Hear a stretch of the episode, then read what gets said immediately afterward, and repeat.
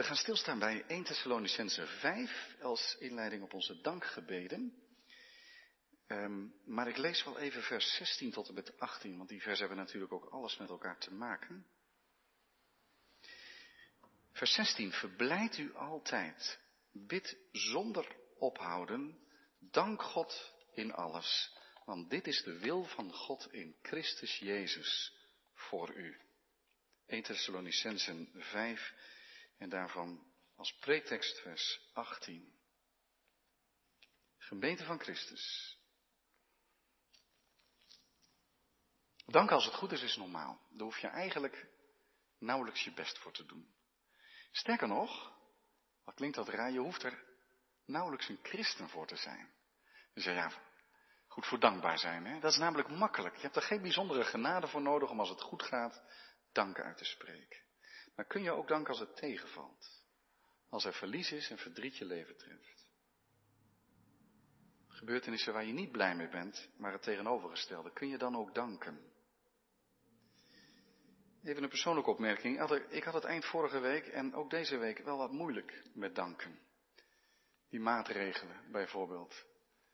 Ik weet het, je kunt het relativeren aan alle kanten en het is het kleinste leed wat je ongeveer denken kan, maar toch. Misschien kun je het een beetje voorstellen als predikant van de gemeente hoe blij je weer bent dat je zonder opgave iedereen mag verwelkomen, september. In oktober mogen de mondmaskers af en het voelt haast weer als vanouds. Je ervaart dat de gemeente weer aan het begin van een opbouwperiode staat. Dat de kerkgang nog niet zo, zo is als, als daarvoor. En daar uh, zie je naar uit dat het uh, op gaat bloeien, dat het gemeente zijn weer wat gaat leven. En dan, uh, goed, je bent niet terug bij af, hè? Zeker niet. En het zal ook wel weer voorbij gaan, die golf. Maar, maar toch, dan zit je dan weer met mondmaskers op. Herken je wel dat er momenten zijn dat je gewoon mopperig door de dag gaat? Terwijl als je even nadenkt, en dat doe je dan ook wel, heel goed weet dat er talloze zegeningen zijn. Maar dat je gewoon het niet echt bij je draagt, die dankbaarheid. En dat je dat niet zo goed ziet. Je ziet de dingen die net misgaan, die tegenzitten. Je gaat mopperig door de dag. Nu dan komt deze dankdienst op het goede moment. Laten we elkaar helpen. En luister naar wat de Heer zegt. Dank God in alles. Bid zonder ophouden en neem die dank daar dan ook in mee. En verblijd je ook altijd. Drie, je zou haast zeggen, pijlers van het christelijke leven. De vreugde, het voortdurende gebed en de gedurige dank in alles. En ik moet zeggen, op zulke mopperige momenten is het beste wat je kan doen, is jezelf maar dwingen. Ik doe dat soms met wisselend succes. Maar jezelf dwingen om gewoon eens even op te lijsten wat je krijgt. En vooral ook op de kleine dingen te letten. Ehm, je kunt vaak letten op de dingen die er niet zijn of die tegenzitten. Maar heel veel dingen vinden we gewoon waar we volgens Gods woord uiterst dankbaar voor mogen zijn. En als we gaan danken, en je lijst dat op, tel uw zegeningen één voor één, dan zie je Gods liefde werkelijk door alles heen. Zo gaat dat lied en het is ook waar. En iemand zei eens, dankbaarheid geeft het gebed vleugels. En daarmee bedoel ik eigenlijk, het gebed zal niet opstijgen. Als het niet ook meegedragen wordt door de dankbaarheid. Thema voor de preek is altijd danken. En achterin volgens vinden we in deze tekst allereerst die oproep dank. Zo eenvoudig is het. Wat is dank? Dank. En als tweede in alles. En als derde, dat is Gods wil voor ons leven. Wat is dankbaarheid volgens de Bijbel? In ieder geval meer dan opgeruimd zijn, ook meer dan blij zijn. Denk aan de tien melaatsen die gereinigd zijn door Jezus. Ze zijn alle tien dolgelukkig. En er komt er één terug om op zijn aangezicht te vallen, op zijn door de knieën te gaan en God bij Jezus groot te maken. Dat is echte dank. Dank en lofprijzing liggen heel dicht bij elkaar, denk ik. Denk aan Maria, die haar lofzang begint met Mijn ziel maakt groot de Heer en mijn geest verheugt zich in God mijn zaligmaker. Is dat dank? In zekere zin wel. Het hoort in ieder geval bij de christelijke dank dat je je verheugt in God, om wat je krijgt en om wat je daarin van God zelf ontvangt. Dank is het besef dat het kleinste wat je krijgt vol is van genade. Dat mag ons diepe verwondering geven. Al het vanzelfsprekende moeten we afleren. Dat het zo gewoon is dat je gezond bent, dat je s'morgens weer opstaat en dat je een huis hebt om in te wonen. En dat je, en, en zo zouden we door kunnen gaan. Eten, drinken, mensen om je heen, eh, werk, eh, zoveel, zoveel. David zegt, wie ben ik, heren, en wat is mijn huis dat u mij hiertoe gebracht hebt? Die grondhouding. Wie ben ik, heren, dat u dit aan ons geeft? Daar hebben we de Heilige Geest voor nodig. De vervulling met de Heilige Geest. Zodat we anders tegen de dingen aankijken. De dingen die we krijgen, de dingen die we mogen doen. De energie, de gezondheid, alles. In het licht van God en van zijn koninkrijk. Dus we mogen ons erin oefenen om dat wat duizenden mensen normaal vinden. Er wordt heel wat gemopperd in de samenleving. Ik denk ook omdat we heel veel voorrechten gewoon vinden. Maar dat wij mogen oefenen om het bijzonder te, verdienen, te, te vinden, namelijk onverdiende zegeningen. Psalm 116 zegt zo mooi, wat zal ik God voor zijn genade vergelden? Begrijp je? Dat je eigenlijk tegen God zegt, ik weet het niet, ik kan het niet terugbetalen, maar Heer, we zijn klein onder uw machtige zegeningen. Dat je verlangt naar de glorie van God. Loof de Heer, mijn ziel. Psalm 103. En vergeet geen van zijn weldaden. Dat is echte dankbaarheid. Klein zijn onder Gods zegeningen. In een diep besef dat wij die niet verdiend hebben, maar die genadig uit Gods hand mogen ontvangen.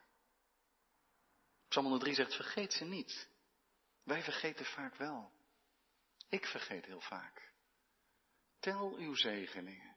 Tel ze één voor één. En vergeet er geen. We gaan ons daar vanavond even wat in oefenen. Straks ga ik jullie vragen om wat dankpunten op te schrijven. Om zo samen wat dankpunten voor de Heer neer te leggen. Gezondheid, misschien maar deels, maar toch. Welvaart. We mopperen zo op overheid, op alles wat we in ons land meemaken, maar we leven in een zeer bevoorrecht deel van deze wereld. School, studie, werk, vrede, veiligheid, gezin, relaties, vriendschappen, zorg. Sociale vangnetten. En dan heb ik het nog niet over Gods genade zelf.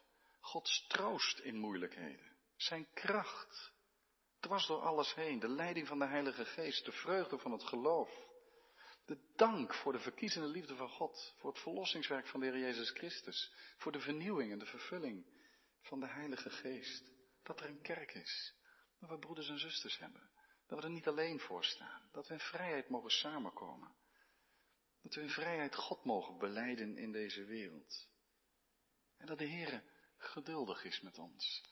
En dat we door Jezus Christus vrij tot God mogen gaan. En dat Hij dat alles, die liefde van de Vader, de zending van de Zoon, zijn kruislijden, bittere lijden en sterven van Christus, dat hij dat alles voor ons heeft overgehad. Dank, zegt Paulus, dank. Niet alleen wees dankbaar, maar uit die dank ook voor God. Er is in ons leven, hoe het er ook nu voor staat en hoeveel zorgen er ook kunnen zijn, er is alle reden toe. En iemand zei hierbij, en ik vond dat wel aansprekend, die zei, als je in de Bijbel kijkt in het paradijs, dan was die oproep eigenlijk niet nodig. En als eenmaal de nieuwe hemel en de nieuwe aarde er zullen zijn, zal die oproep ook aan dovermans oren gezegd zijn, want het leven zal uit dank bestaan. Maar nu is die oproep wel nodig. Wij hebben die oproep nodig om dankbaar te zijn voor Gods vele zegeningen. Dank. En dan staat erbij in alles. Nu vers 18 moet je samen nemen met 16 en 17. De meeste verklaarders, commentaren, die zeggen ook dat dat zinnetje in vers 18, want dit is de wil van God in Christus Jezus voor u, dat dat zinnetje eigenlijk slaat op, op dat drietal van vers 16, 17 en 18. Verblijft u altijd, bid zonder ophouden, dank God in alles. Daar heb je Gods wil in Christus voor ons leven. Altijd blij. Hoe kan dat? Danken in alles. Hoe kan dat? Paulus wist toch genoeg van tegenslagen. Hij droeg zijn kruis achter Jezus aan. Je hoeft hem maar te volgen op zijn zendingsreizen en je ziet hoeveel tegenslagen en moeite hij te verwerken heeft gehad. En toch was Paulus altijd iemand die dwars door alles heen vol goede moed was. Wij zijn vol goede moed. We weten, zegt hij, dat als we zelfs dagelijks Christus in zijn sterven navolgen. Wat zoveel wil, wil zeggen van, ik voel eigenlijk altijd draag ik dat bij me, dat dat sterven, de moeite van het achter Jezus aankomen. En toch staan we er niet verloren voor.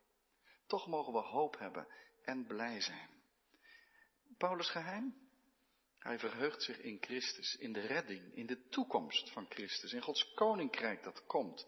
En zonder ophouden bidt hij. Hij heeft een biddend leven en zo dankt hij God in alles. Het kan tegenzitten. Paulus is niet een happy clappy iemand die dan dan overheen ziet en zegt, we doen maar net alsof het er niet is. Een soort tampesta glimlach en zo hou je het maar vol. Nou ja, hij weet dat heel goed. In vers 14 heeft hij het nog over de moedelozen bijvoorbeeld. De moedelozen. Mensen die de moed verliezen door alles wat lastig is. En dat we geduldig met elkaar moeten omgaan en elkaar weer mee mogen nemen naar de christelijke hoop. De moedelozen.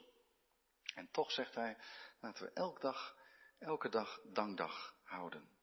In alles. Je moet dat misschien ook niet vertalen met voor alles.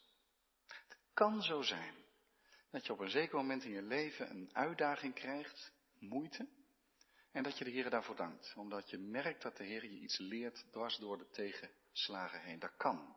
Vaak zie je het pas achteraf, als je het al ziet. maar het kan een keer voorkomen dat je dat ook uh, echt merkt. Dat je zegt, Heer, het is misschien goed dat dit op mijn weg komt. Want uh, ik merk dat het me meer verbindt aan u. Maar er zijn natuurlijk ook dingen waar je totaal niet voor danken kunt. Als je echt vastloopt. Als je echt opgeslokt wordt of verteerd wordt door verdriet, door moedeloosheid. Dan zijn er de smeekbeden, maar ook de klachten. De klachten waar bijvoorbeeld de psalmen zo, zo vol van staan. Die, die mogen er zijn. Die mogen ruimte krijgen. Die mogen onder woorden gebracht worden. Maar als de dankzegging gemist wordt in onze gebeden, dan stijgen de smeekbeden moeilijk op. Het gebed wordt zo vleugelam. Ik bedoel dat niet als een wet, hè. Dat je zegt, ja, maar als het leven zo somber is en zo moeilijk is, mag ik dan alleen klagen? Ja, u mag, natuurlijk mag u alleen klagen. Klaag maar, zoveel als je wil. En, en toch is dit Gods wil ons leven. Zoals Paulus zegt in, in Filippenzen 4, wees in geen ding bezorgd, laat uw begeerte in alles door bidden en smeken met dankzegging bekend worden bij God. Dat is de weg naar de vrede. Want waarom? Die dankzegging, door je te oefenen, juist als je moeilijke dagen hebt, rotdagen hebt, dat je dan juist de tijd neemt om heel bewust God te danken voor al die, die dingen die goed gaan, die God toch geeft. Dat kan je aandacht en je hart zo richten op de glorie van God, de grootheid van God, de goedheid van God. Waar je misschien klaagt en moppert en zegt, is God wel goed voor mij? Kan door te danken je, je hart weer vol worden van de grootheid van God. Laten we oppassen. Er kan zo makkelijk bitterheid ons hart binnenkomen. Waar doe ik het allemaal voor? Waarom zit alles tegen? Je kent die zinnetjes toch wel in je hoofd? Het vreet de dankbaarheid weg. De Bijbel gaat zelfs zo ver dat er momenten zijn dat, dat, dat het wel lijkt alsof er niks meer is om voor te danken. En dat je dan toch nog de vrede van God in je hart kunt hebben. Ik denk aan Habakkuk in het derde hoofdstuk. Als er geen rund in de stal zijn. En de vijgenboom geen vruchten meer opleveren, enzovoorts, enzovoorts. Alles valt tegen. En lees het hele boek Habakkuk, maar het is niet makkelijk. Wat een donkere dagen. Nochtans, zegt hij, nochtans, toch, ondanks alles, zal ik in de Here van vreugde opspringen en mij verheugen in de God van mijn heil, in de Heer. En dat is het. Dat is best lastig uit te leggen. Je zou het eigenlijk eens moeten proberen naar elkaar toe. Hoe leg je dat uit? Wat betekent vreugde in de Heer? Ik denk ook dat het makkelijker is om God zelf te kennen en dit te ervaren,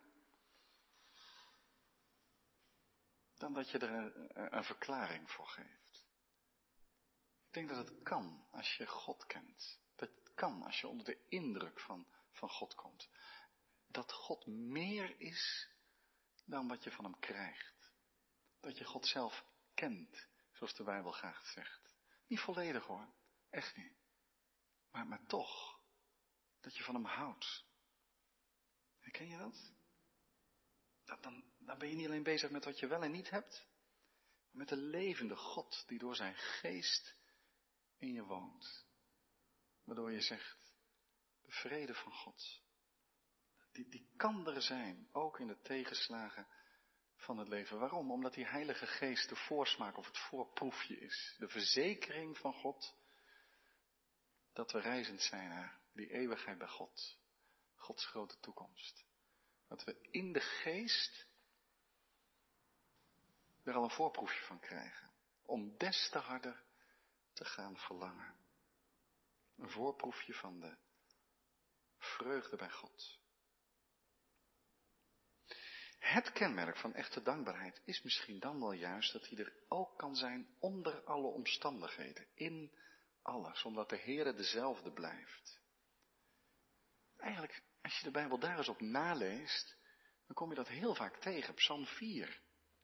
Meer vreugde heeft u mij gegeven dan in tijden van koren en most, in tijden van de oogst.